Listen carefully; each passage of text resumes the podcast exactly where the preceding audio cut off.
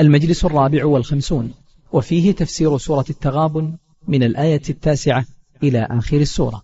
أعوذ بالله من الشيطان الرجيم. يوم يجمعكم ليوم الجمع ذلك يوم التغابن. ومن يؤمن بالله ويعمل صالحا يكفر عنه سيئاته ويدخله جنات ويدخله جنات تجري من تحتها الانهار خالدين فيها ابدا ذلك الفوز العظيم والذين كفروا وكذبوا بآياتنا أولئك أصحاب النار خالدين فيها. أولئك أصحاب النار خالدين فيها وبئس المصير. ما أصاب من مصيبة إلا بإذن الله. ومن يؤمن بالله يهد قلبه والله بكل شيء عليم واطيعوا الله واطيعوا الرسول فان توليتم فانما على رسولنا البلاغ المبين الله لا إله إلا هو وعلى الله فليتوكل المؤمنون. يا أيها الذين آمنوا إن من أزواجكم وأولادكم عدوا لكم فاحذروهم وإن تعفوا وتصفحوا وتغفروا فإن الله غفور رحيم. إنما أموالكم وأولادكم فتنة والله عنده أجر عظيم. فاتقوا الله ما استطعتم واسمعوا وأطيعوا وأنفقوا خيرا لأنفسكم ومن يوق شح نفسه فأولئك هم المفلحون إن تقرضوا الله قرضا حسنا يضاعفه لكم ويغفر لكم والله شكور حليم. عالم الغيب والشهادة العزيز الحكيم. بسم الله الرحمن الرحيم. الحمد لله رب العالمين. الصلاة والسلام على نبينا محمد وعلى آله وأصحابه أجمعين. هذه الآيات آخر سورة التغابن. قال الله جل وعلا يوم يجمعكم ليوم الجمع. ذلك يوم التغابن. يوم منصوب بفعل مقدر أي اذكروا يوما اذكروا هذا اليوم ولا تغفلوا عنه. يوم يجمعكم. يجمعكم الله جل وعلا. يجمع الله الأولين والآخرين. يوم القيامة في صعيد واحد في أرض المحشر لا يغيب أحد عن هذا الجمع. المؤمن والكافر البر والفاجر المطيع والعاصي الأول والآخر من الخلق كلهم يجمعهم الله في هذا اليوم وهو على جمعهم إذا يشاء قدير. لا يعجزه شيء. يأمر سبحانه وتعالى الملك فينادي هذه الأجسام التي قد اندثرت في الأرض وتلاشت تفرقت عظامها ولحومها وشعورها. ينادي هذا الملك هذه الأنفس أن تجتمع فتقوم من قبورها. فإنما هي زجرة واحدة فإذا هم بالساهرة. الساهرة هي أرض القيامة. تجتمع العظام و واللحوم والشعور وكل أجزاء الجسم تجتمع. يجمع خلقه ويقوم كما كان. قبل الموت. حتى لو مر عليه أحد ممن كان يعرفه في الدنيا لعرفه هذا فلان. ثم يأمر الله إسرافيل فينفخ في الصور النفخة الثانية فتطير كل روح إلى جسمها فتحيا ثم نفخ فيه أخرى فإذا هم قيام ينظرون. ثم يسيرون إلى المحشر لا يتخلف منهم أحد ويخرجون من الأجداث أي القبور. سراعا كأنهم إلى نصب يوفضون إلى علم منصوب لهم يسيرون نحوه. ما يتخلف أحد. هذا هو جمعهم يوم القيامة. ذلك يوم مجموع له الناس وذلك يوم مشهود يوم يجمعكم. فلا يظن أحد من الكفار والملاحدة والطغاة الجبابرة الكفرة لا يظن أحد أنه سيتخلف وأنه سيترك ويهرب أبدا. كلهم يحضرون يا معشر الجن والإنس إن استطعتم أن تنفذوا من أقطار السماوات والأرض فانفذوا. ما لأحد حين ولا مهرب ولا مفر. ذلك يوم التغاب تغاب بين الناس. يصبح بعض الناس مغبونا. وبعضهم غابنا فالمؤمن غاب لأنه في هذا اليوم يسعد ويفلح ويدخل الجنة والكافر والعياذ بالله يخيب ويخسر ويدخل النار. هذا غبن عظيم. تفاوت تفاوت بين الناس وذلك بسبب أعمالهم في الدنيا. الله جل وعلا لا يظلم أحد وإنما يجازي كلا بعمله. يقول الله جل وعلا في الحديث القدسي يا عبادي إنما هي أعمالكم أحصيها لكم ثم أوفيكم إياها. فمن وجد خيرا فليحمد الله لأن الله هو الذي وفقه ومن وجد غير ذلك فلا يلومن إلا نفسه لأنه هو اللي ضيع نفسه. أعطيت له الفرصة والعمر في الدنيا وبين له طريق الخير وطريق الشر ومكن من العمل الصالح لكنه هو الذي ضيع نفسه فلا يلوم إلا نفسه. ومن يؤمن ولهذا قال ومن يؤمن بالله ويعمل صالحا يدخله جنات تجري من تحتها الأنهار. يكفر عنه سيئاته ويدخله جنات تجري من تحتها الأنهار. وذلك الفوز العظيم. هؤلاء هم الغابنون بسبب ما قدموا لأنفسهم. من يعمل صالحا في الدنيا لأن الآخرة ليست دار عمل ولكن العمل في الدنيا. من يعمل صالحا ومن يؤمن بالله يؤمن أولا بالله لأن العمل لا ينفع بدون إيمان. العمل لا ينفع بدون إيمان. كما أن الإيمان في القلب لا ينفع بدون عمل. لا بد من اجتماع الأمرين الإيمان في القلب والعمل بالجوارح. ولذلك قال العلماء الإيمان هو قول باللسان واعتقاد بالقلب وعمل بالجوارح. أن يؤمن بالله ويعمل صالحا. والعمل الصالح كما تقدم مرارا أنه هو الخالص لوجه الله الصواب على سنة رسول الله صلى الله عليه وسلم. هذا هو العمل الصالح. ما اجتمع فيه شرطان الإخلاص لله فلا يكون فيه شرك والمتابعة للرسول صلى الله عليه وسلم فلا يكون فيه بدعة. إن كان فيه شرك فهو باطل وإن كان فيه بدعة فالبدعة مردودة. من عمل عملا ليس عليه أمرنا فهو رد من يؤمن بالله ويعمل صالحا. يكفر عنه سيئاته لأن العمل الصالح يكفر الله بالسيئات الصغائر.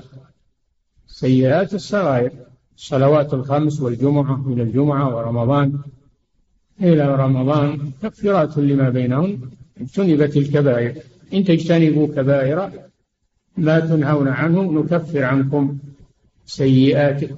والنبي صلى الله عليه وسلم يقول أتبع السيئة الحسنة تمحها الأعمال الصالحة يكفر الله بها الذنوب الصغائر. وأما الكبائر فلا تكفر إلا بالتوبة. فإن مات من ولم يتب منها إن تاب منها قبلت توبته ومحيت ذنوبه. ولو كانت كبائر حتى لو كانت من الشرك والكفر. من تاب تاب الله عليه. وللذين كفروا ينتهوا يغفر لهم. ما قد سلف. فإذا تاب منها قبل موته تاب الله عليه ومحاها عنه. والتائب من الذنب كمن لا ذنب له. أما إن مات ولم يتب من الكبائر التي هي دون الشرك فإنه تحت مشيئة الله. إن شاء الله غفر له وإن شاء عذبه.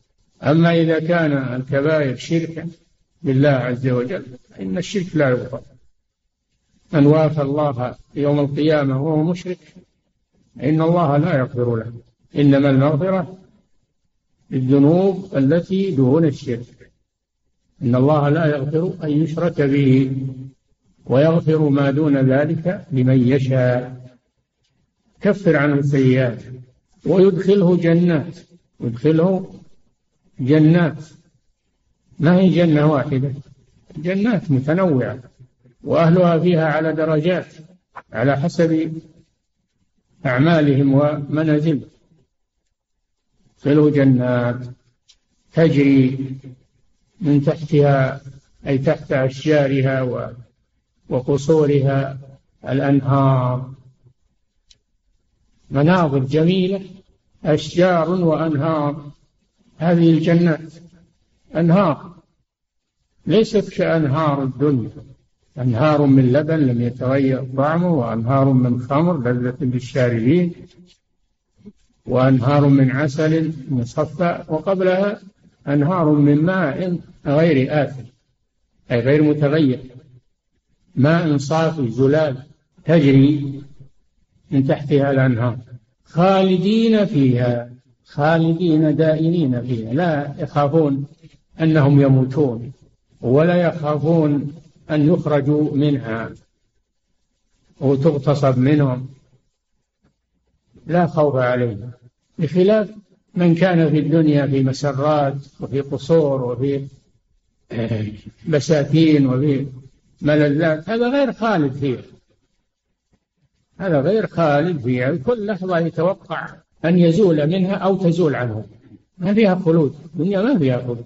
وهو خايف ولو كان في قصور وفي بساتين وفي مناظر وفي مآكل ومشارب طيبة هو خايف خايف من الموت. خايف من المرض. خايف من العدو. هذا في الدنيا. أما في الآخرة لا. أهل الجنة ما عندهم خوف. ما يخافون من شيء. وهم في الغرفات آمنون دار أمان. ذهب الخوف في الدنيا. أما الجنة فليس فيها خوف بل هي نعيم تام سرور دائم وذلك الفوز العظيم. ما أعظم من هذا الفوز؟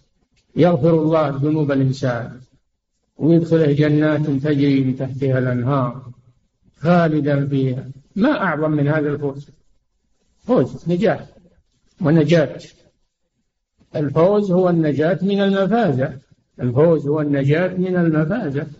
والمفازة هي الطريق المهلك في الدنيا. طريق في الدنيا إذا كان فيه مخاوف وفيه عطش وجوع وفيه سباع وفيه. هذه مفازة تسمى. من قطعها فقد فاز ونجا منها. هؤلاء أهل الجنة فازوا قطعوا الأخطار وقطعوا كل المكدرات وكل المنغصات كل قطعوها وسلموا منها. وذلك الفوز العظيم الذي لا أعظم منه. الفوز العظيم الذي لا أعظم منه. فمن زحزح عن النار وأدخل الجنة فقد فاز فقد فاز نجا. وذلك الفوز العظيم. ثم ذكر الصنف الثاني على النقيض المغبون الفريق المغبون فقال والذين كفروا وكذبوا بآياتنا أولئك أصحاب النار خالدين فيها وبئس المصير. والذين كفروا بالله عز وجل ولم يؤمنوا به سواء جحدوا وجود الرب سبحانه وتعالى كالدهرية والملاحدة أو أنهم أقروا بوجود الرب لكن أشركوا به ولم ولم يعبدوه ولم يوحدوه بالعبادة. الأمر متساوي في هذا. الذين كفروا وكذبوا بآياتنا ضموا إلى الكفر التكذيب بآيات الله القرآنية والوحي المنزل على الرسل. كذبوا. كذبوا بالحق لما جاءهم. عاندوا الرسل وقالوا الرسل إنما هم بشر مثل مثلنا. إنما هم إنما هم بشر مثلنا. فكيف نطيع من هم مثلنا؟ أبشر يهدوننا؟ أبشر يهدوننا؟ هذا استكبار والعياذ بالله. فكفروا بما مع الرسل من الآيات. الآيات أي العلامات الدالة على صدقهم. فلم يؤمنوا بالرسل. وكذلك الآيات الكونية التي تدل على وحدانية الله جل وعلا وربوبيته. كذبوا بها وقالوا هذه طبيعة. هذه مظاهر طبيعية. ولا يقولون إن هذه خلق الله وهذه آيات الله تدل على عظمته قدرته. لا. يقولون هذه مظاهر طبيعية. نسأل الله العافية. كذبوا بآياتنا. الآيات المنزلة والآيات الكونية لم يستفيدوا منها. أولئك أصحاب النار. الذين كفروا وكذبوا بآياتنا أولئك أصحاب النار أي الملازمون لها لأن الصاحب يلازم صاحبه. فهم أصحاب النار بمعنى أنهم ملازمون لها مخلدون فيها. أولئك أصحاب النار خالدين فيها. ما لهم طمع في الخروج منها وما هم بخارجين من النار. فالكافر والمشرك لا طمع له في الخروج من النار. قال تعالى وما هم بخارج أولئك آه، يريهم الله أعمالهم. كذلك يريهم الله أعمالهم حسرات عليهم. وما هم بخارجين من النار. لو كانوا يطمعون أنهم يخرجون من النار هذا هان عليهم الأمر. ولكن هم يائسون مبلسون والعياذ بالله. لا طمع لهم في الخروج منها. على شدة ما يقاسونه فيها من الآلام والأحزان والهموم والأوجاع لا يطمعون في الخلاص منها هذا في الكفار والمشركين. أما من دخل النار من عصاة الموحدين بذنوبه التي يدون الشرك فإنه يخرج من النار. كما دلت على ذلك الأحاديث الصحيحة. يخرجون من النار ويدخلون الجنة. في المآل والعاقل. أما الكافر والمشرك فإنه لا لا خروج له. وبئس المصير. بئس كلمة ذم. كلمة ذم. بئس النار. المصير والمرجع والمآل. لأنها دار العذاب والنكال. دار الآلام والأسقام والأحزان. التي لا تنقطع بل تزداد. يزداد عذابهم والعياذ بالله. كلما خبت زدناهم سعيرا. لا يذوقون فيها بردا ولا شرابا إلا حميما وغساقا وقال تعالى فذوقوا فلن نزيدكم إلا عذابا. نسأل الله العافية. خالدين فيها وبئس المصير. كيف نحن نقرأ هذا؟ نقرأ هذه الآيات وأمثالها ولا نتأثر بها. كيف لا نخاف من الله عز وجل؟ كيف لا نبادر بالتوبة والعمل الصالح؟ هذا من عجائب قسوة القلوب ولا حول ولا قوة إلا بالله. ثم قال جل وعلا ما أصاب من مصيبة إلا بإذن الله. الله جل وعلا قدر المصائب. المصائب ما تكرهه النفوس. من ما يخالف رغبتها من الوقائع قال تعالى ولنبلونكم بشيء من الخوف من الخوف والجوع ونقص من الأموال والأنفس والثمرات. بشيء بشيء من ولو كان قليلا فهو كبير. وبشر الصابرين الذين إذا أصابتهم مصيبة قالوا إنا لله وإنا إليه راجعون. فالمصيبة ابتلاء وامتحان من الله. الله قدرها للابتلاء والامتحان. من يصبر ويرجع إلى ربه ويتوب ومن يجزع ويتسخط ويغضب على ربه سبحانه. مع أن المصيبة ما أصابته في الغالب إلا بسبب ذنوبه. ما أصابكم من مصيبة؟ بما كسبت أيديكم. فبدل أنه يفكر ويقول نعم هذا بسبب ذنبي والله قدره علي بسبب ذنبي ويتوب إلى الله يرجع إلى الله تصبح هذه المصيبة نعمة. بالنسبة له تصبح النعمة تصبح النقمة نعمة من الله عز وجل. ما أصاب من مصيبة أي مصيبة قليلة أو كثيرة كبيرة أو صغيرة إلا بإذن الله أي بقدره وقضائه. فمن يؤمن بالله من يعلم أن المصيبة من الله وأنها بسبب ذنوبه الله قدرها عليه وهي بسبب ذنوبه ثم يتوب فإن الله يتوب عليه تصبح المصيبة خيرا له. ومن يؤمن بالله يعلم أن هذه المصيبة من الله وأنها بسبب ذنوبه فإن الله يهدي قلبه إلى الحق وإلى اليقين. هذا سبب. الإيمان بالله والصبر على المصيبة هذا سبب لهداية القلب. قال علقمة هو الرجل تصيبه المصيبة فيعلم أنها من الله فيرضى ويسلم يرضى بقضاء الله وقدره ويسلم لله ولا يجزع ولا يسخط. ويعاتب نفسه على ما حصل منه فيتوب إلى الله عز وجل.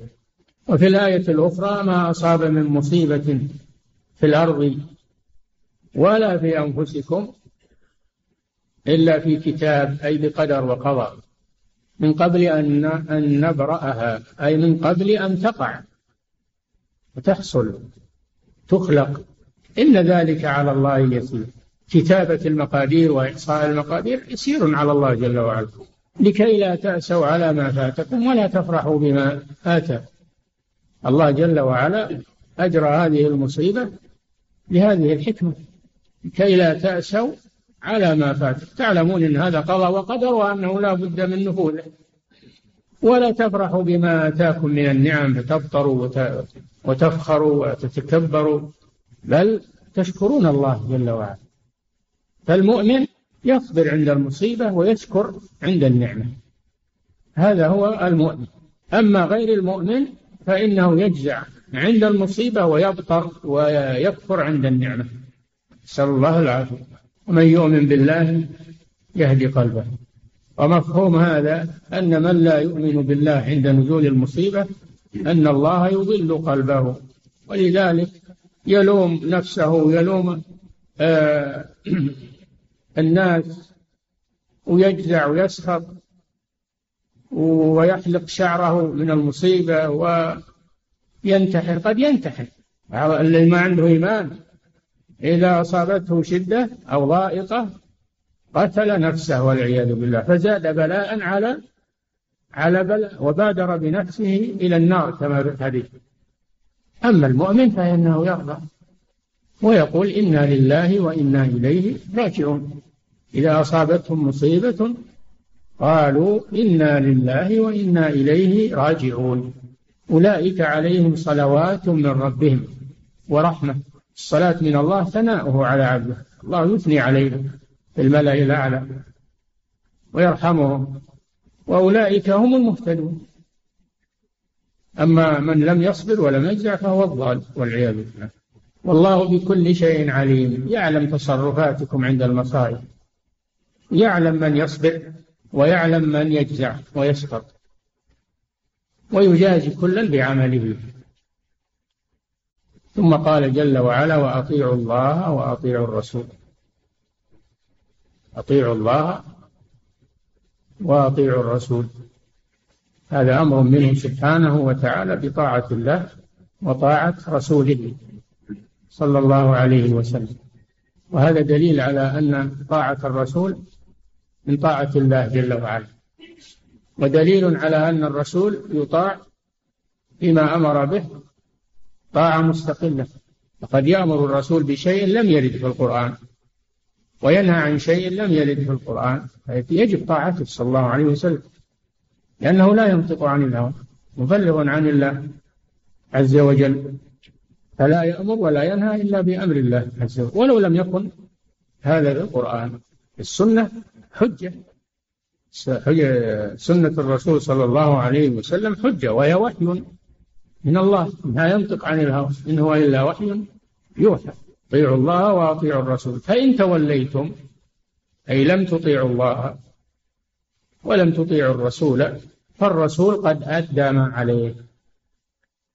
وبلغكم والهداية بيد الله سبحانه وتعالى. فالرسول عليه البلاغ على الله جل وعلا البيان وعلى الرسول البلاغ وعلينا التسليم والامتثال. فإن توليتم عن طاعة الله وطاعة رسوله فإنما على رسولنا البلاغ المبين. الرسول لا يهدي القلوب لهداية القلوب بيد الله. إنك لا تهدي من أحببت ولكن الله يهدي من يشاء. وهو أعلم بالمهتدين. الرسول يهدي دلالة يهدي هداية الدلالة والإرشاد. وإنك لتهدي إلى صراط مستقيم أي تدل وترشد. وهذا هو البلاغ. إن عليك إلا البلاغ. إنما عليك البلاغ وعلينا فإنما عليك البلاغ وعلينا الحساب. فذكر إنما أنت مذكر. لست عليهم بمسيطر. إلا من تولى وكفر. أي لكن إلا بمعنى لكن. استثناء منفصل. إلا من تولى وكفر فيعذبه الله العذاب الأكبر. إن إلينا إيابهم أي رجوعهم مردهم إلى الله ثم إن علينا حسابهم. الله هو الذي يحاسبهم. الرسول إنما يبلغهم فقط يهديهم هداية الإرشاد والبيان. وأما هداية القلوب فهي بيد الله سبحانه وتعالى. وهو الذي يحاسب عباده يوم القيامة. فإنما على رسولنا البلاغ المبين الذي يبين لكم الحق من الباطل والهدى من الضلال والرشاد من الغي. وقد فعل صلى الله عليه وسلم. فقد بلغ البلاغ المبين وترك أمته على البيضاء ليلها كنهارها. لا يزيغ عنها إلا هالك. فإنما على رسولنا محمد صلى الله عليه وسلم. وهذا فيه تشريف له حيث أضافه إلى نفسه رسول البلاغ المبين. ثم قال الله لا إله إلا هو. أي لا معبود بحق سواه. وأما من عبد غيره فهو بالباطل. هناك معبودات كثيرة. ولكن كلها باطلة. والمعبود بالحق هو الله. ذلك بأن الله هو الحق. وأن ما يدعون من دونه هو الباطل. وأن الله هو العلي الكبير. الله لا إله إلا هو. أي لا معبود بحق سواه جل وعلا. وما عداه من المعبودات من الأصنام والأوثان وسائر المعبودات فإنها باطلة لا إله إلا هو. وعلى الله فليتوكل المؤمنون. يفوضون أمورهم إليه ويعتمدون عليه لأنه الإله الحق الرب الحق. تفوض إليه الأمور. والتوكل من أعظم أنواع العبادة. التوكل على الله من أعظم أنواع العبادة. مع اتخاذ الأسباب النافعة يجمع المسلم بين الأخذ بالأسباب النافعة والتوكل على الله سبحانه وتعالى. فلا يعتمد على التوكل ويضيع الأسباب ولا يعتمد على الأسباب ويضيع التوكل بل يجمع بينهما. هذا سبيل المؤمنين وعلى الله فليتوكل المؤمنون. أما الكافرون فلا يتوكلون على الله وإنما يتوكلون على أصنامهم ومعبوداتهم التي لا تغني عنهم شيئا. يتوكلون على دنياهم وإمكانياتهم وما معهم من الصناعات والمهارات وهي لا تغني عنهم شيئا. يتوكلون على قوتهم وهي زائلة ومنهارة مهما بلغت. لكن الذي يتوكل على الله ويعتمد على الله ويفوض أمره إلى الله فهذا هو الناجح في دنياه وآخرته. وعلى الله فليتوكل المؤمنون. ثم قال جل وعلا يا أيها الذين آمنوا هذا ندى من الله للمؤمنين. يا أيها الذين آمنوا إن من أزواجكم وأولاد يعني بعض بعض أزواجكم وبعض أولادكم. هم كل الأزواج والأولاد لكن بعضهم. إن من أزواجكم وأولادكم عدوا لكم يعني يفعل بكم ما يفعل العدو. يأمرونكم بمعصية الله. يأمرونكم بما يريدون من الشهوات المحرمة والحرية البهيمية. يطلبون منكم أن تسمحوا لهم بما يغضب الله سبحانه من المعاصي ويسمونه بالترفيه ويسمونه بالحرية ويسمون هؤلاء أعداء وإن كانوا أولادك وزوجك وقد ذكروا أن سبب نزول الآية أن ناسا من المسلمين أرادوا الهجرة مع إخوانهم إلى المدينة فتعلق بهم أزواجهم وأولادهم ليمنعوهم من الهجرة فأنزل الله هذه الآية. وهذا مثال هذا مثال لمن لما يحصل من الأولاد والأزواج وإلا فالآية عامة الآية عامة. فالذي يطيع زوجته ويطيع أولاده في معصية الله هو داخل في هذا يريد أن يرضيهم ويظن أنهم أنهم أصدقاء وأنهم أحبابه وهم عدو له في هذا الأمر. إن من أزواجكم وأولادكم عدوا لكم. يقولون هات لنا مثل فلان وهات لنا جيب لنا آه، محطات فضائية جيب لنا إنترنت بما فيه من الشرور جيب لنا كل ما عليه سينما جيب لنا آه، بلاوي من بلاوي الحادثة. خلينا مثل الناس. فإذا أطاعهم فإنه فإنه أطاع عدوه. ما ما أرادوا له الخير. أرادوا له ما يريد له العدو. ليحذر الإنسان من هذا. إنما أموالكم وأولادكم عدو لكم. فاحذروهم. احذروا من عداوتهم. أشد من غيرهم. هذا الصنف من الأزواج والأولاد احذروهم لا تطيعوهم في معصية الله جل وعلا. لا ترضوهم بسخط الله عز وجل ذلك أصلح لكم ولهم. أما إذا أطعتموهم في ما يغضب الله فهذا ضرر عليكم وعليهم. وأنت الراعي وأنت المسؤول. يا أيها الذين آمنوا قوا أنفسكم وأهليكم نارا. وقودها الناس والحجارة أنت المسؤول. كيف تضيع رعيتك تجلب لها الشر عدوا لكم فاحذروه. لا تطيعوا طلبهم وأمورهم التي فيها معصية لله عز وجل. وإن تعفوا وتصفحوا وتغفروا فإن الله غفور رحيم.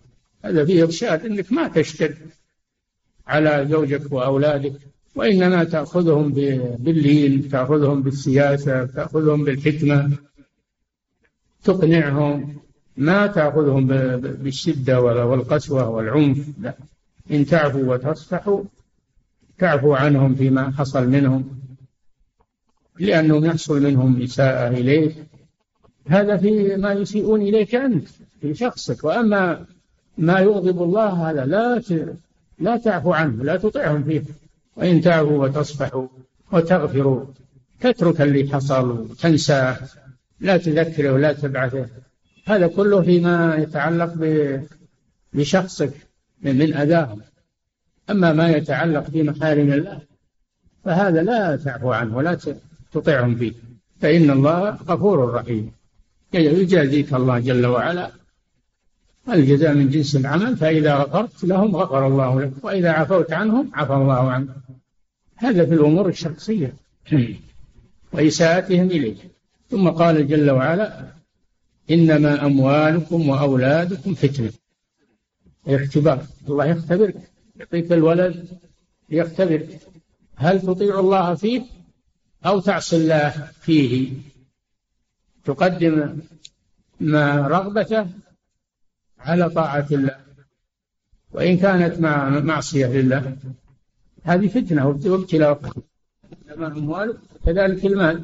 هل يحملك حب المال على أن تطلبه من أي وجه؟ من الربا من السرقة من الخيانة من الرشوة من القمار من المكاسب المحرمة؟ أو تقتصر على ما أحل الله لك من المكاسب الطيبة ولا تنخرط مع الناس فيما هم فيه؟ من الباطل ومن الجشع والطمع والمعاملات المحرمة.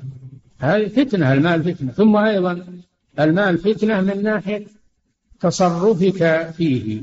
هل تتصرف فيه تصرفا شرعيا؟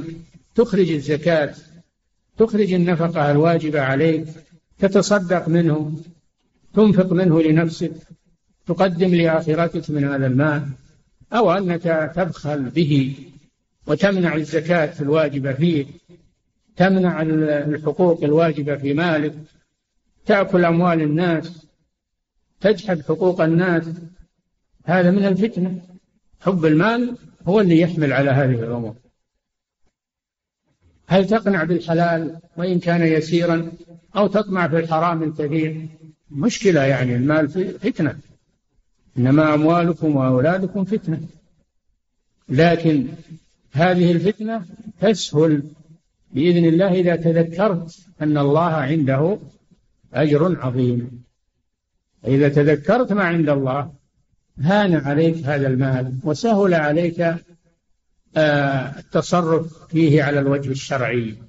وهان عليك ما تقاسيه من أولادك من التربية ما في شك أن التربية لها تحتاج فيها مشقة على الوالد. لكن يصبر. يصبر عليهم ويربيهم ويتابعهم فإذا صبر فإن الله عنده أجر عظيم له. وإن لم تصبر فإن عاقبتك وعاقبتهم خسارة. والله عنده أجر عظيم. ثم قال جل وعلا فاتقوا الله ما استطعتم. الإنسان ضعيف ولا يحيط بكل أوامر الله. قد يصيبه مرض يصيبه عاجز يصيبه يؤدي ما ما يستطيع. وهذا من رحمة الله. لا يكلف الله نفسا إلا وسعها. لا يكلف الله نفسا إلا ما آتاها. والنبي صلى الله عليه وسلم يقول إذا أمرتكم بأمر فأتوا منه ما استطعتم. وما نهيتكم عنه فاجتنبوه. لأن ترك الشيء أسهل من الترك أسهل من الفعل. فلذلك إذا أمرتكم بشيء فأتوا منه ما استطعتم. أما الترك فهو سهل. ما نهيتكم عنه فاجتنبوه. فاتقوا الله ما استطعتم. في سورة آل عمران يقول الله جل وعلا يا أيها الذين آمنوا اتقوا الله حق تقاته. هذه شقت على المسلمين. والله حق تقاته. من يستطيع أن يتقي الله حق تقاته؟ فأنزل الله هذه الآية وفرج بها عن المسلمين. فاتقوا الله ما استطعتم. فمن اتقى الله ما استطاع فقد اتقى الله حق تقاته. فهذه الآية مفسرة لآية آل عمران. وقيل إنها ناسخة. والصحيح أنها ليست ناسخة وإنما هي مفسرة. فمن اتقى الله حسب استطاعته فقد اتقى الله حق تقاته فاتقوا الله ما استطعتم واسمعوا وأطيعوا. اسمعوا ما يأتيكم به هذا الرسول صلى الله عليه وسلم من الأوامر والنواهي. استمعوا لذلك. سماع قبول وإجابة. اسمعوا وأطيعوا. وأنفقوا خيرا لأنفسكم. هذا من قوله من قوله آه هذا من قوله إنما أموالكم وأولادكم فتنة. فأنفق من هذا المال في طاعة الله سبحانه وتعالى. أنفقوا خيرا قيل خيرا منصوب على أنه مفعول بأنفقوا وقيل إنه منصوب على الحال أي أي حالة كون ما تنفقون خيرا لأنفسكم. وقال لأنفسكم ليدل على أن ما تنفقه فإنما هو لنفسك. تجده عند الله سبحانه. وما تنفقوا من خير فإن الله به عليم. وما تنفقوا من خير تجدوه عند الله هو خيرا وأعظم أجرا. وأنفقوا خيرا لأنفسكم. ومن يوق شح نفسه يوق شح نفسه يعني الله يقيه من شح نفسه لأن النفس أمارة بالسوء أمارة بالبخل أمارة بمنع المال عن الإنفاق في سبيل الله. فإذا تغلبت عليها فقد وقاك الله شحها. من يوق شح نفسه أولئك هم المفلحون. هذه عقبة شديدة. أنت مع نفسك حول طاعة الله سبحانه وتعالى. لا سيما في المال. فإن نفسك تقف في وجهك. لا تريد منك تخرج الزكاة. لا تريد أنك تنفق على أولادك وعلى زوجك. لا تريد منك أنك تتصدق على الناس وتنفق في سبيل الله. تأمرك بالبخل وإمساك المال. من يوق شح نفسه فأولئك هم المفلحون. هذا حصر. هذا حصر. لأن من وقاه الله شح نفسه فهو المفلح. ومن تغلبت عليه نفسه فهو الخاسر. ولهذا كان عبد الرحمن بن عوف رضي الله عنه يطوف بالبيت ولا يزيد على قوله اللهم قني شح نفسي. لأن الله قال ومن يوق شح نفسه فأولئك هم المفلحون. حتى في أمور الطاعة ما هي بمال.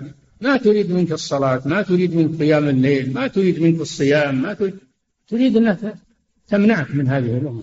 النفس عقبة أمام صاحبها.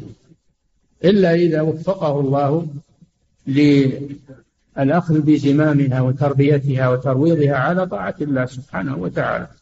ثم قال جل وعلا إن تقرضوا الله قرضا حسنا أي الإنفاق سماه الله قرضا. سمى الله الإنفاق في سبيله وعلى عبيده المحتاجين قرضا لأنه يرده على صاحبه مضاعفا. والقرض هو أن تدفع مالا لمن ينتفع به ثم يرد عليك بدله هكذا الإنفاق في سبيل الله مخلوق. ما أنفقتم من شيء فهو يخلفه وهو خير الرازقين. فهو قرض تقرضه الله جل وعلا يرده عليك أضعافا مضاعفة في الدنيا والآخرة. تقرض الله قرضا حسنا يضاعفه لكم أضعافا كثيرة الحسنة بعشر أمثالها إلى سبعمائة ضعف إلى أضعاف كثيرة لا يعلمها إلا الله. مثل الذين ينفقون أموالهم في سبيل الله كمثل حبة أنبتت سبع سنابل في كل سنبلة مئة حبة. حبة واحدة تصير سبعمائة حبة.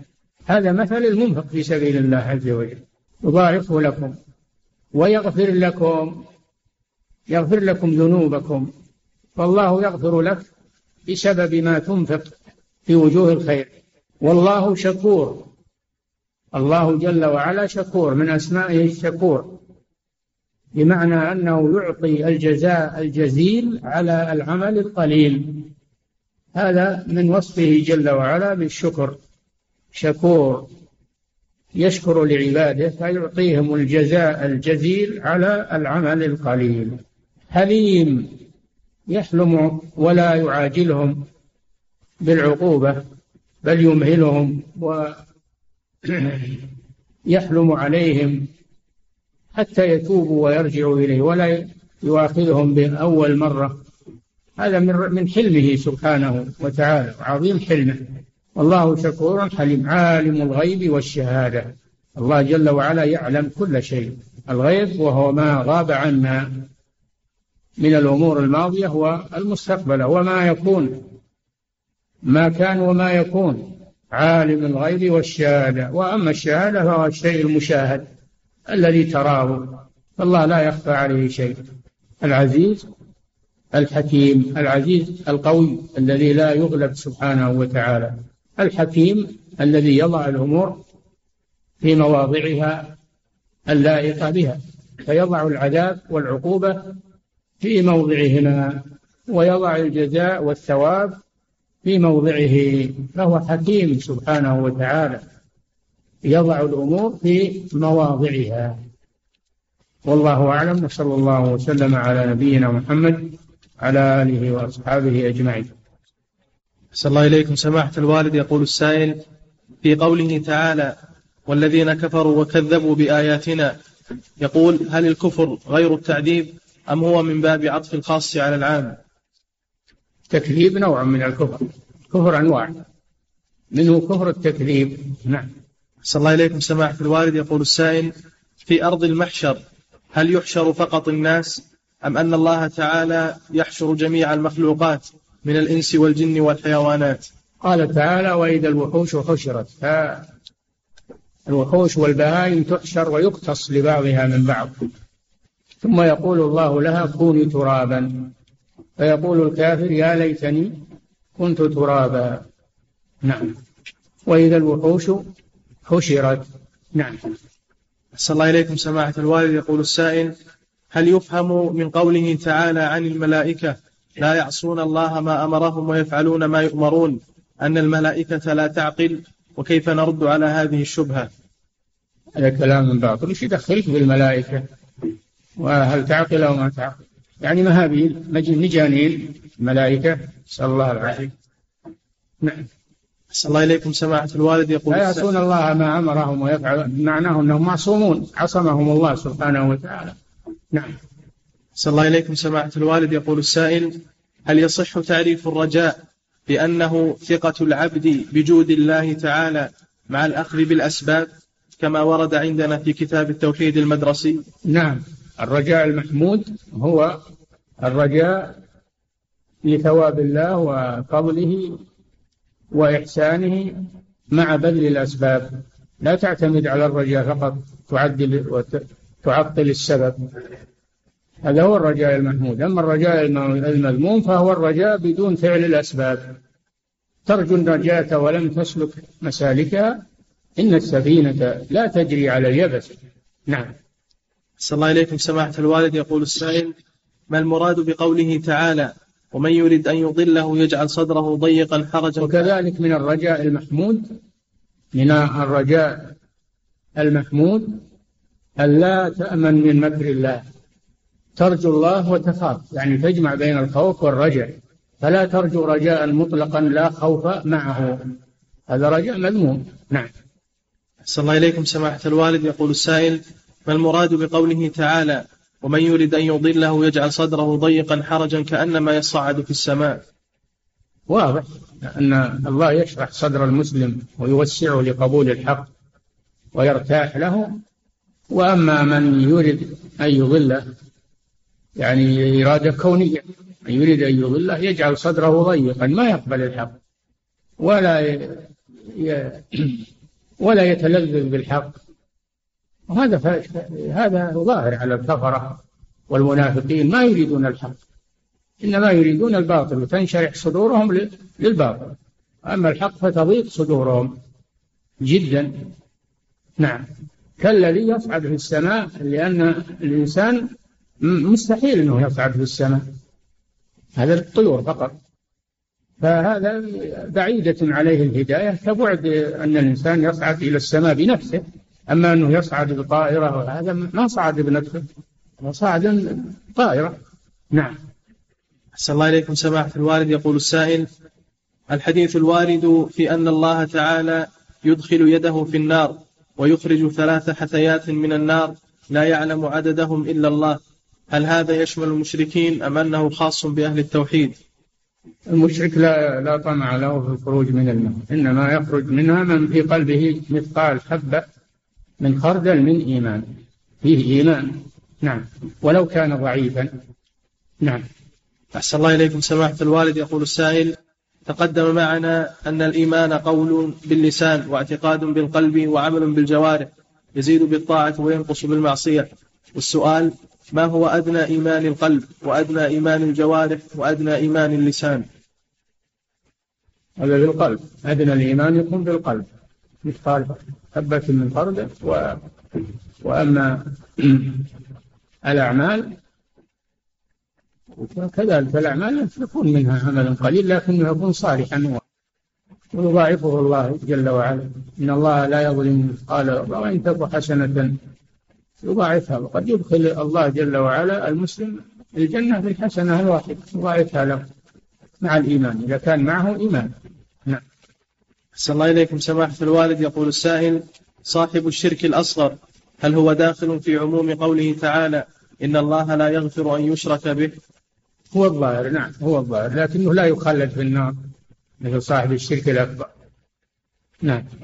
أحسن الله إليكم سماحة الوالد. يقول السائل في حديث المرأة التي من بني إسرائيل سقت كلبا فغفر الله لها وادخلها الجنة. فهل يقال إن الأعمال الصالحة بعضها يكفر الكبائر؟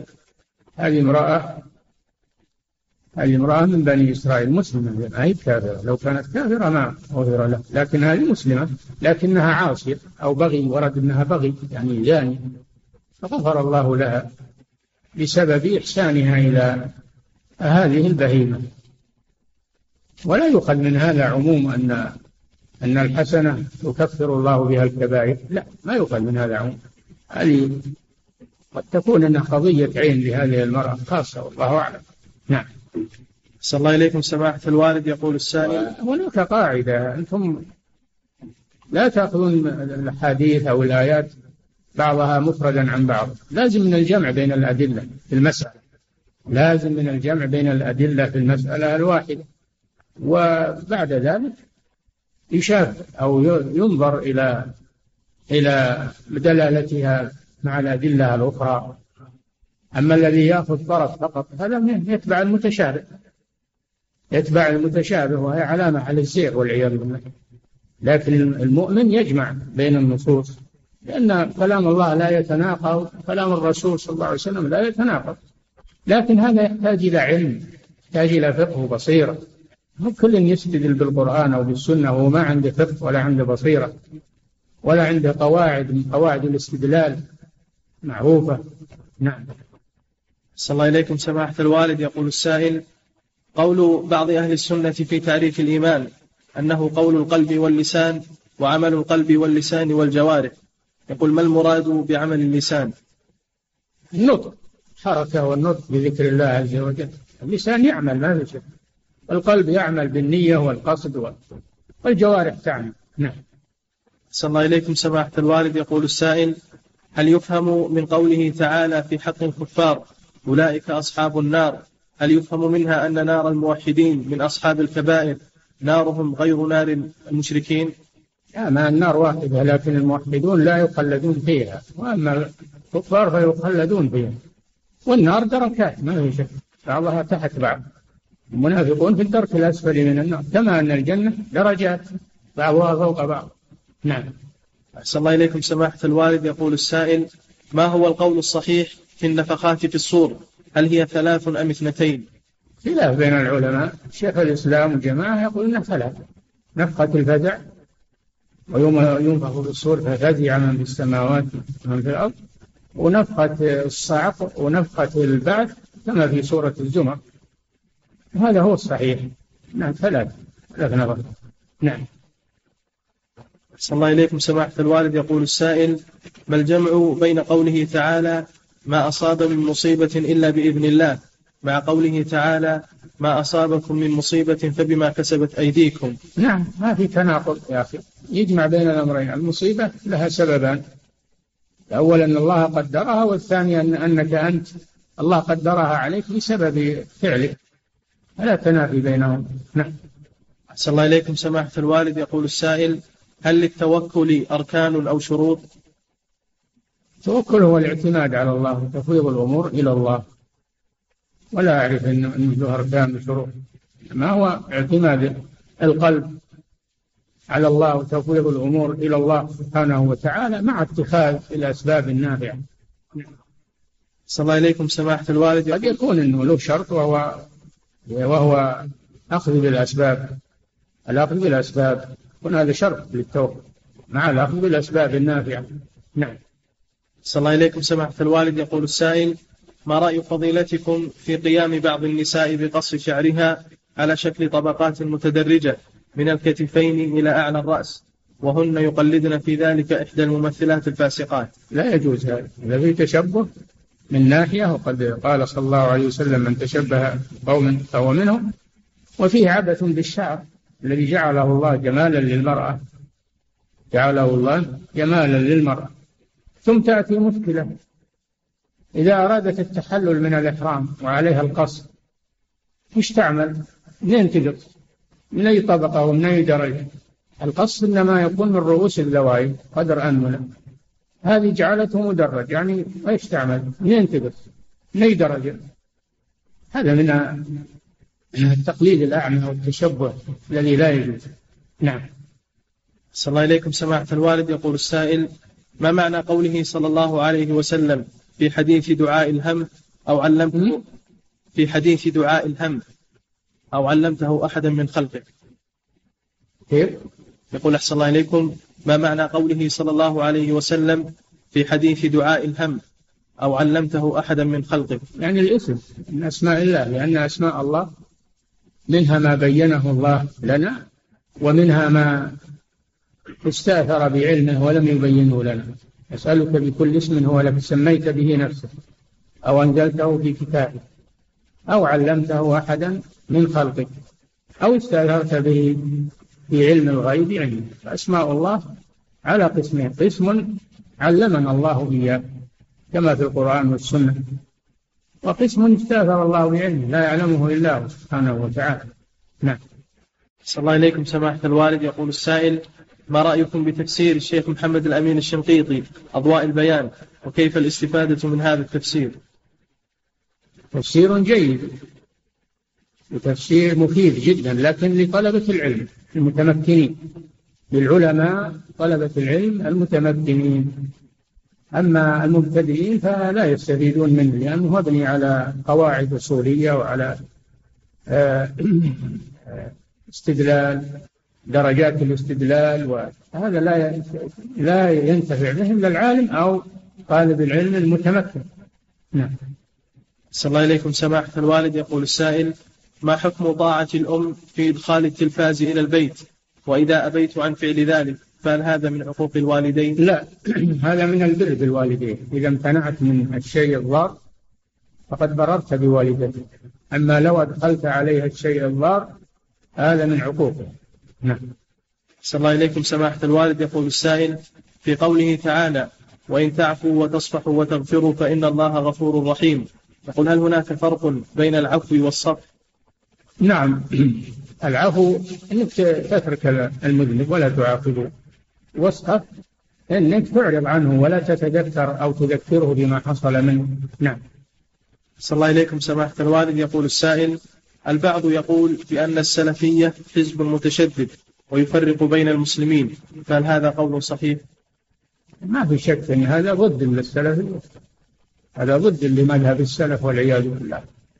وهو الذي مذهب السلف هو الذي يجمع المسلمين الذي جمع الأولين في عهد الرسول صلى الله عليه وسلم وألف بين قلوبهم إنما هو عقيدة التوحيد عقيدة السلف. وما تفرق الناس إلا لما تركوا عقيدة السلف. صاروا معتزلة وصاروا أشاعرة وصاروا جهمية وصاروا وصاروا كل حزب بما لديهم فرحون. نعم. صلى الله إليكم سماحة الوالد يقول السائل هل تجوز مناصرة بعض الجماعات مع أنه عرف عنهم السكوت عن الشرك وبعضهم يمارسه؟ وما الحكم في من يدعمهم؟ لا يجوز الدخول مع الجماعات التي لا تهتم بالتوحيد ولا تدعو إلى التوحيد لأنها دعوة مخالفة لدعوة الرسل. هذه دعوة مخالفة لدعوة الرسل عليهم الصلاة والسلام. لا يجوز الانتماء إلى هذه الدعوة. نعم. صلى الله إليكم سماحة الوالد يقول السائل عندما لا يسمع المأمومون تكبيرة التشهد الأول وظلوا سجودا حتى قام الإمام إلى الركعة الثالثة ولم يجلسوا للتشهد الأول ماذا على المأموم وماذا على الإمام؟ الإمام ما عليه شيء لأنه ما ترك شيء لكن المأموم ترك التشهد الأول يتابع الإمام ويسجد للسهو نعم. أحسن الله إليكم سماحة الوالد يقول السائل هناك رجل من العوام يقول بأنه إذا مسح بيده على ثدي المرأة المصابة بمرض في ثديها بعض العوام يقول أحسن إليكم رجل من العوام يقول إنه إذا مسح بيده على ثدي المرأة المصابة بمرض في ثديها فإنها تشفى بإذن الله بسبب هذا المسح. هذا وده يمسح على النساء واتخذ هذا هذا لا يجوز هذا ما يجوز. هذا مسح على المرأة الأجنبية ما يجوز ولا مسها نعم. صلى الله إليكم سماحة الوالد. يقول السائل والدي يبلغ من العمر قرابة ستين سنة وكان قبل وفاته. لا يصلي في المسجد الجماعة ولا الجمعة. والده؟ يقول أحسن الله إليكم والدي يبلغ من العمر قرابة الستين سنة وكان قبل وفاته. لا يصلي في المسجد الجمعة ولا الجماعة لأنه يسكن في عمارة في الدور السادس ويشق عليه النزول لكل فريضة. فماذا أفعل له بعد موته؟ حيث إن هذا الأمر يؤرقني كثيرا. إذا كان كما ذكرت أن عليه مشقة في النزول لصلاة الجمعة والجماعة لكن الجمعة ما تتكرر ما هو ما هو صعب عليه. ينزل للجمعة وهو أخطأ في ترك الجمعة. وأما الجماعة إذا كان ما يستطيع يشق عليه فهو معذور. وعلى كل حال هو مسلم تستغفر له تدعو له تتصدق عنه هو مسلم ولكنه مرتكب لذنب من الذنوب.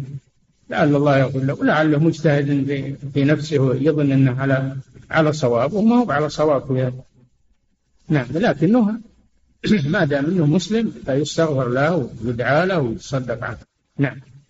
أحسن الله إليكم سماحة الوالد. يقول السائل أعمل في شركة للحلويات والشركة تلزمنا في آخر الدوام بإتلاف ما تبقى من الحلوى ولا يسمحون لنا أن نوزعه.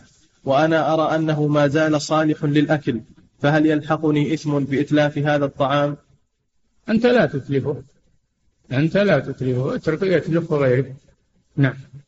صلى الله إليكم سماحة الوالد. يقول السائل امرأة بينها وبين زوجها خلاف شديد ويمنعها أن تتكلم مع أحد أو تذهب إلى أحد. فهل إذا خالفته تعتبر عاصية لله تعالى؟ نعم. إذا كان هذا يغضب زوجها عليها أو يحدث شر فلا تعمل شيء يحصل بسببه سوء عشرة أو سوء غضب من زوجها تأخذه بالتي هي أحسن. تأخذه بالتي هي أحسن وربما يزول عنه الغضب فيرجع إلى صوابه. نعم. صلى الله إليكم سماحة الوالد. يقول السائل ما المراد بالصلاة على آل محمد صلى الله عليه وسلم في التشهد؟ المراد بالصلاة معروف الصلاة عليهم الدعاء لهم.